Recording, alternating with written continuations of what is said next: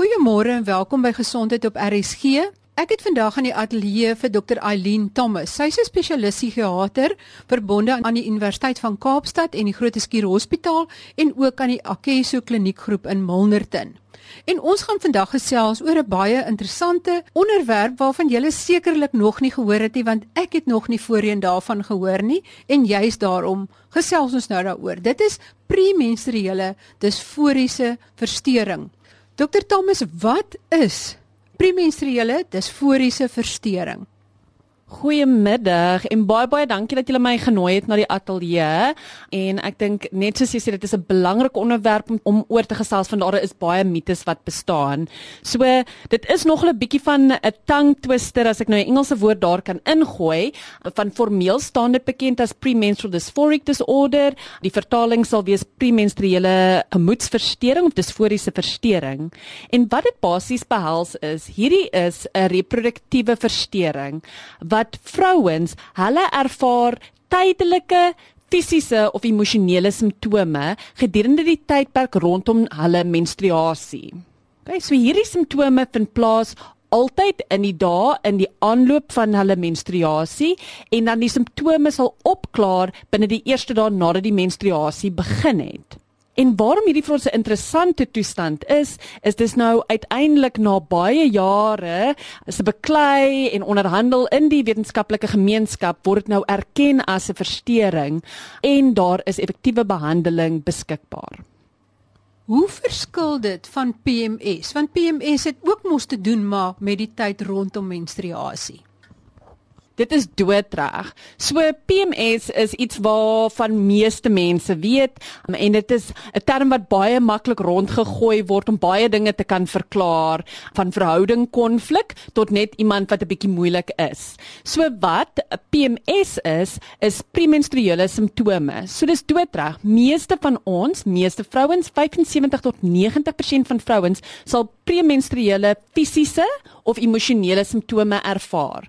Maar vir die meeste van ons is hierdie baie laaggraad, dit is nie ernstig nie. Dit sal wees dat ons 'n bietjie meer tranerig is of ons is dalk 'n bietjie meer angstig of ons het sekere um cravings vir sekere kos, suikerkosse, koolhidrate. Ons kan dalk 'n bietjie fisiese simptome hê soos ons maag voel 'n bietjie opgeblaas. PMS is een of twee van hierdie simptome en die graad daarvan het geen invloed op jou gesondheid, jou verhoudings en jou funksionering nie. Beteken dit dat premenstruele disforiese verstoring dan eintlik 'n ernstige graad van PMS is? Jy slaan die hamer op die kop daar. Dit is presies hoe ons dit sien. So terwyl meeste vrouens PMS het en hierdie premenstruele simptome ervaar, is daar premenstruele disforiese verstoring verskil in dat net 3 tot 7% van vrouens wêreldwyd aan die verstoring ly. So hoe hy sal verskil is daar is meer simptome, hulle is van 'n erger graad en hulle het 'n invloed op die persoon se welstand. En dit sluit in alle vlakke van hulle lewens, in hulle verhoudings met ander, in hulle gebruik van gesondheidsdienste, so dis tipies mense wat meer keer die dokter sal besoek, meer pynmedikasie benodig, meer daar af is van die werk. Dit klink so half of hulle dalk bietjie kan uithak of is dit nie die geval nie? As ons kyk na wat premenstruele um, disforiese verstoring behels, ons verdeel dit in verskillende simptoom dimensies. So jy kan of emosionele simptome hê en emosionele simptome, party mense is geïrriteerd, party mense het 'n lae gemoed, Party mense is meer sensitief vir wat ander van hulle dink of sê, terwyl ander mense het gemoed swaaye, so mood swings. Okay? So dit is as ons kyk na die dimensie van gemoedsimptome. Dan is daar ook fisiese simptome. En die twee algemeenste fisiese simptome wat vrouens aan kan lei is hulle borsteerheid of hulle het hulle maag wat 'n bietjie opgeblaas voel. Um dan praat ons ook van kognitiewe simptome. So kognitiewe simptome kan behels dat jou konsentrasie verswak is of dat jy nie so goed slaap soos gewoonlik nie. En dan ander geassosieerde simptome wat vrouens ook kan ervaar, soos voorheen genoem, is dat hulle hulle sekere cravings vir kosse wat hulle op geen ander tydperk van die maand het nie. Hoe diagnoseer julle dit? Is daar spesifieke toetse of is dit bloot op kliniese simptome? Baie dankie vir daai vraag. So Dit is nie 'n diagnose wat enigiemand anders kan maak as mediese dokters wat ervaring het met die verstoring nie. Want daar is 'n hele paar mediese toestande sowel as psigiatriese toestande wat presies dieselfde kan lyk. So eerstens, een manier hoe ons dit sal onderskei is die simptome of dit nou die emosionele simptome is, die fisiese simptome is, die kognitiewe simptome, hulle vind altyd plaas in dieselfde konstellasie. So wat dit beteken, die vrou sal altyd dieselfde simptome hê. Sy sal altyd byvoorbeeld 'n lae gemoed hê met borsteerheid en sekere food cravings. Hierdie simptome vind altyd plaas op dieselfde tydperk van die menstruele siklus, so met ander woorde in die eerste paar dae voor die menstruasie begin en dit klaar op binne die eerste paar dae na die menstruasie plaasgevind het. Die ander teken of kriteria van die premenstruele disforiese verstoring is dat dit siklies is, so met ander woorde dit gaan altyd plaasvind elke maand vir die meeste van die jaar en dan dit het 'n impak op die persoon se funksionering soos vroeër genoem. So dit is nou net robberg die kriteria waarna ons sal kyk om te besluit is hierdie moontlike premenstruele disforiese verstoring. So as iemand vermoed, kyk, ek dink moontlik die die klink soos ek. Ek is heeltemal 'n ander persoon op die tydperk van die maand en my vriende het dit al vir my gesê. Ek het gesien hoe dit 'n impak het by die werk. Ek moet gewoonlik 'n dag afvat van die werk want ek voel soos 'n heeltemal ander persoon. En tipiese beskrywings wat pasiënte al vir my gegee het is hulle voel soos Jekyll and Hyde. So Hoe ons dan 'n diagnose sal maak is, die mediese dokter sal 'n geskiedenis neem. Die geskiedenis sluit in beide 'n mediese geskiedenis. So ons maak seker, is daar enige mediese redes wat kan hierdie simptome verklaar? En daar is 'n hele paar mediese of ginekologiese siektes wat met dieselfde tipe simptome kan presenteer. Voorbeelde hiervan is IBS, dismenorrhea. Ander vrae wat die dokter weer sal vra is, hulle sal kyk na gebruik jy enige medikasie op die oomblik wat kan 'n impak hê op jou menstruasie siklus wat kan verklaar waarom jy hierdie simptome het. Hulle sal ook vir jou vra vra oor jou psigiatriese geskiedenis. Seker maak hierdie is nie die simptome kan nie toegeskryf word aan 'n ander psigiatriese toestand nie. Is hierdie nie eintlik 'n 'n depressie nie. Is hierdie nie eintlik 'n angsversteuring nie. Hoe ons daai onderskeid gaan tref is depressie sal teenwoordig wees die simptome elke dag van die jaar die hele jaar. Depressie is nie net teenwoordig in 'n sekere siklus van jou menstruasie nie. Bipolêr is ook een van die versteurings wat maklik misgekyk word of verstaan word as premenstruele disforiese versteuring, maar weer eens, hierdie toestand is so uniek want die simptome vind plaas net op 'n sekere tydperk van die maand, elke maand en is dieselfde simptome. Vrouens wat aan hierdie verstoring ly, het geen van die simptome enige ander tyd van die maand nie. Hulle funksioneer normaalweg vir die res van die maand. Maar as mens nou dink, vrouens tipies menstrueer 300 tot 500 maal in hulle lewens. As jy 300 tot 500 maal die moet deurmaak, wat 'n groot impak dit op jou lewe kan hê en negatiewe impak dit op jou lewe kan hê. Voordat ons kom by die behandeling, want ek hoop daar's behandeling daarvoor, Ek wil net vra watter tipe medikasie kan hierdie simptome vererger? In terme van medikasie wat dit kan vererger, ek sal meer sê as ons kyk na goed wat nie medikasie is nie, goed wat ons weet 'n invloed kan hê is alkoholgebruik, nikotien gebruik. Dan sekere uh, hoë koolhidraatkosse, um, kosse hoë in suikerinhoud kan eintlik die simptome vererger. So ons as eerste linie behandeling sal altyd vir vrouens vra om sekere lewenstylveranderinge te maak as deel van die behandeling en dit sal dit insluit. In terme van spesifieke medisyne wat wat die simptome kan vererger. Dit hang weer af van die persoon, die individueel, hoe oud hulle is, wat hulle komorbiditeite is. My gas is Dr Eileen Thomas. Sy's 'n spesialis psigiater by die Universiteit van Kaapstad en die Groote Schuur Hospitaal en ook by die Akeso Kliniekgroep in Milnerton. Ons konsentreer dan in die tweede deel op die behandeling van hierdie ernstige gevalle van premenstruele sindroom. Is daar hulp vir mense wat aan hierdie vreeslike deurmekaarheid en verstoring ly? So die goeie nuus is nou dat ons uiteindelik erkenning het dat hierdie 'n werklike siekte is en hy word nou hy verskyn nou in die DSM-5s.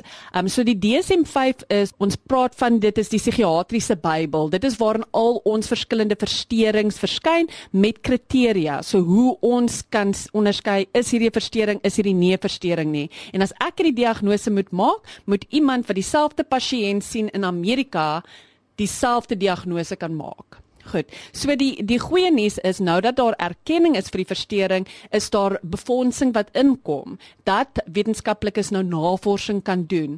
Van om die beste behandeling te kan verskaf, moet ons kan verstaan waarom gebeur hierdie verstoring? Wat is die oorsaak daarvan? So op die oomblik is daar verskillende teorieë oor waarom hierdie gebeur. Waarom vind hierdie plaas en dit wissel van genetiese oorsake tot hormoonfluksuerings tot veranderinge in sekere breinareas. Op die oomblik verstaan ons dit as dit is nie 'n hormoonwanbalans nie. Dit is die liggaam wat anders reageer op normale hormoonfluksuerings. So in terme van behandeling, want jou vraag is hier is hierdie verstoring wat ons weet het 'n regte impak. Dis 'n regte verstoring, dit het 'n impak op vrouens se lewens en meeste vrouens gaan ongediagnoseer. So 90% van vrouens weet nie dat hulle eers hierdie diagnose het nie. So as ons praat van behandeling, behandeling vir altyd in terme van psigiatrie is ons praat van nie farmakologiese behandeling sowel as farmakologiese behandeling nie farmakologiese behandeling sal insluit lewenstylveranderinge soos ons genoem het van die sekere voedsels wat mense sal vermy. Dit beteken ook dat jy gereeld oefening doen. So oefening weet ons, ons weet nie hoekom nie, maar ons weet dat dit wel die simptome verbeter. Seker maak dat jy genoeg slaap inkry. Dan is daar sekere herbal medikasie wat bewys is wat 'n uh, verbetering kan hê en dit sluit in chasteberry wat mens oor die toonbank kan koop. So dit is nie farmakologiese behandeling. As ons praat van farmakologiese behandeling, die medikasie wat die meeste navorsing agter het, het om te staaf dat dit effektief is in verskeie ehm um, studies is eerstens serotonergiese medikasie antidepressante en daar's drie medikasies wat deur die FDA, so dit is die die liggaam wat besluit in Amerika wat se medikasie kan vir sekere toestande gebruik word goedgekeur is en dit sluit in fluoxetine, sertraline en paroxetine.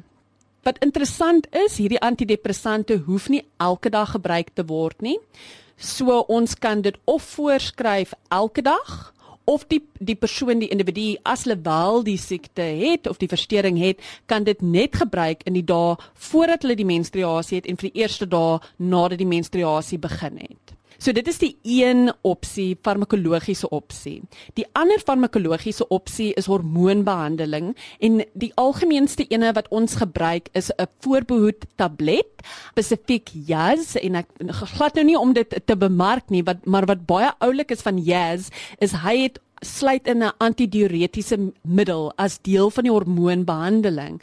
Wat wonderlik is van een van die simptome wat vrouens tipies het, is dat hulle maag geswel is of dat hulle borsteerheid het. So as ek 'n besluit moet maak watse medikasie gaan ek vir iemand voorskryf, weer eens, dis 'n individuele besluit. Ek kyk na die persoon se ouderdom. Ek kyk na het hulle enige ander komorbiditeite? Het hulle byvoorbeeld saam met hierdie premenstruele disforiese verstoring ook depressie? Het hulle enige ander mediese toestande wat ek in ag moet neem? Is daar enige kontra-indikasies vir enige van hierdie medikasie? Byvoorbeeld, ek sal nie hormoonbehandeling gee vir iemand wat oorgewig is, wat rook en ander risikofaktore het vir kardiovaskulêre siektes of DVT's um nie.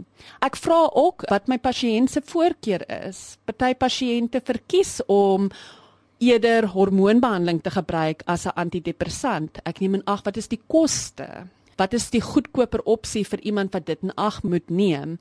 So dit is nie een besluit of een beste behandelingsplan vir almal nie. Daar is nie so iets nie. Ons sal altyd 'n individuele besluit maak wat in die beste belang is vir die pasiënt en wat gaan inpas in haar lewenstyl. Sê maar ek lei nou daaraan, ek is gediagnoseer. Ek maak sekere leefstylaanpassings, ek hou op met rook, ek eet minder suikerkosse, ek doen oefening en ek kry nou ook medisyne daarvoor, sê maar antidepressant of hormoonbehandeling. Wat is die kans dat die hele situasie vir my meer leefbaar kan word? Daar is basies twee maniere hoe hierdie paadjie gestap kan word. Sonder behandeling gaan jy aanhou met die simptome te hê elke maand. Dit gaan elke maand 'n impak op jou funksionering hê. Dit gaan nie weg nie. Insteede vir meeste vrouens hierdie simptome vererger en die ergste tydperk is premenopause. So voor jy in jou menopausal fase ingaan, is hierdie simptome op hul ergste. So dit is vir iemand wat nou nie op behandeling is nie. Iemand wat wel op behandeling begin, het sy dit hormonale behandeling is of die antidepressant opsie, verseker, die simptome raak beter, funksionering verbeter en daar is geen rede waarom jy nie 'n funksionerende lewe kan hê nie. Die behandeling is egter lewenslank in terme van die tydperk van jou reproduktiewe lewe. So totdat jy in menopause gaan en die menstruasie staak, sal jy aanhou om behandeling te ontvang. Is daar 'n verband dat mense wat aan premenstruele disforiese verstoring ly, dat hulle ook erge menopausale simptome sal hê. Dit is vir ons as wetenskaplikes en psigiaters en klinisi baie opwindende tydperk dat hierdie nou, diagnose nou erkenning gegee word. Van nou kry ons befondsing in om te kan verdere navorsing doen oor hierdie verstoring. Op die oomblik ons sien 'n verwantskap tussen vrouens wat postpartum depressie het en premenstruele disforiese verstoring. Daar is versekerde verwantskap, ons weet nog nie hoe om dit te verklaar nie, maar vrouens wat premenstruele disforiese verstoring het, is meer geneig om te postpartum depressie te ontwikkel. Dis die een verwantskap wat ons al reeds waargeneem het. In terme van is jou kans om erger menopausal simptome te ervaar as jy gedurende jou vroeë jare hierdie premenstruele simptome ervaar het, heel moontlik. Dit maak sin wetenskaplik, dit maak sin, maar ons het nog nie navorsing gedoen om dit vas te stel nie. En hopelik is dit 'n area van belangstelling en is daar 'n jong wetenskaplike wat belangstel om hierna te kyk. Dan wil ek gehoor het jy sê nou dat mense sê maar hulle besluit op die antidepressant opsie en dit is die beste vir daardie pasiënt. Nou gewoonlik as mense met major depressie op antidepressante gaan, dan vat dit 'n paar dae of 10 dae of 2 weke voordat die effek daarvan deurkom. Nou hoe werk dit dan dat hierdie effek dan onmiddellik is? Ja, weer eens net verdere bewys dat hierdie is 'n werklike verstoring. Ons is nog nie 100% seker hoe om dit te verklaar nie, maar wat is uniek van premenstruele disforiese verstoring is presies dit. Die antidepressante het 'n onmiddellike effek. Daar is geen ander psigiatriese toestand wanneer 'n mens die antidepressante neem, 'n mens 'n effek of 'n verbetering sien binne 'n dag of twee nie. So Ons is nog nie presies seker hoe om dit te verklaar uit 'n wetenskaplike oogpunt waarom daar hierdie onmiddellike effek is nie. Dis heel moontlike interaksie tussen die hormone en mense neuromodulators soos serotonien. Daar is baie slim mense wat besig is om te kyk daarna en dit te probeer verklaar, maar weer eens dit behoort ook vir vrouens wat wel aan hierdie verstoring ly, hoop te gee om te sê daar is hulp beskikbaar en dit is nie iets wat tydsaam is of wat lank tydperk gaan neem voordat jy verandering waarneem nie. Dan wil ek so 'n tipiese forensiese medical detective vraag vra. Sê maar 'n vrou wat aan hierdie verstoring ly, vang iets verskrikliks aan. Sy skiet haar man dood of wat ook al. Word dit dan ook as 'n verstoring erken dat sy nie verantwoordelik is vir wat sy gedoen het nie of val dit nie in daai kategorie nie? Baie goeie vraag. So met enige nuwe psigiatriese toestand wat na vore kom, is daar sekere bekommernisse van die publiek en van klinisi tesame. So een is wat jy genoem het, verander dit op enige manier jou verantwoordelikheid vir dade, jou dade. Die ander vraag wat altyd opkom is Maar is hierdie nie net 'n diagnose wat geskep is sodat farmaseutiese maatskappye meer geld kan maak nie. Die ander vraag wat opkom is, gaan dit nie bydra dat daar meer stigma is teenoor vrouens nie, dat vrouens gesien word as um emosioneel onstabiel. Die ander vraag is gaan dit nie 'n impak hê op goed soos disability claims nie. Soos kan iemand nou aansoek doen om afgeboek te word op 'n vroeë ouderdom van hulle werk af? Vir my val dit op dieselfde prinsipie neer. Wanneer daar 'n diagnose is en jy het effektiewe behandeling, behoort daar geen verder impak op jou funksionering te wees nie ek glo nie ons sal in ons leeftyd sien dat dit as 'n uh, manier gebruik word om of as 'n verdediging gebruik word om te kan sê kyk ek het op die ingewing van die oomblik my man geskiet want ek was verskriklik emosioneel en ek het hierdie verstoring en dit is die rede daarvoor nie. Hierdie verstoring beïnvloed nie jou verantwoordelikheidsin nie dit beïnvloed nie jou vlak van insig nie. So dit sal verseker nie as 'n verdediging staan in hof nie baie dankie Dr Thomas, as jy 'n laaste boodskap het vir vroue daar buite wat luister, wat sal dit wees op sommender wys?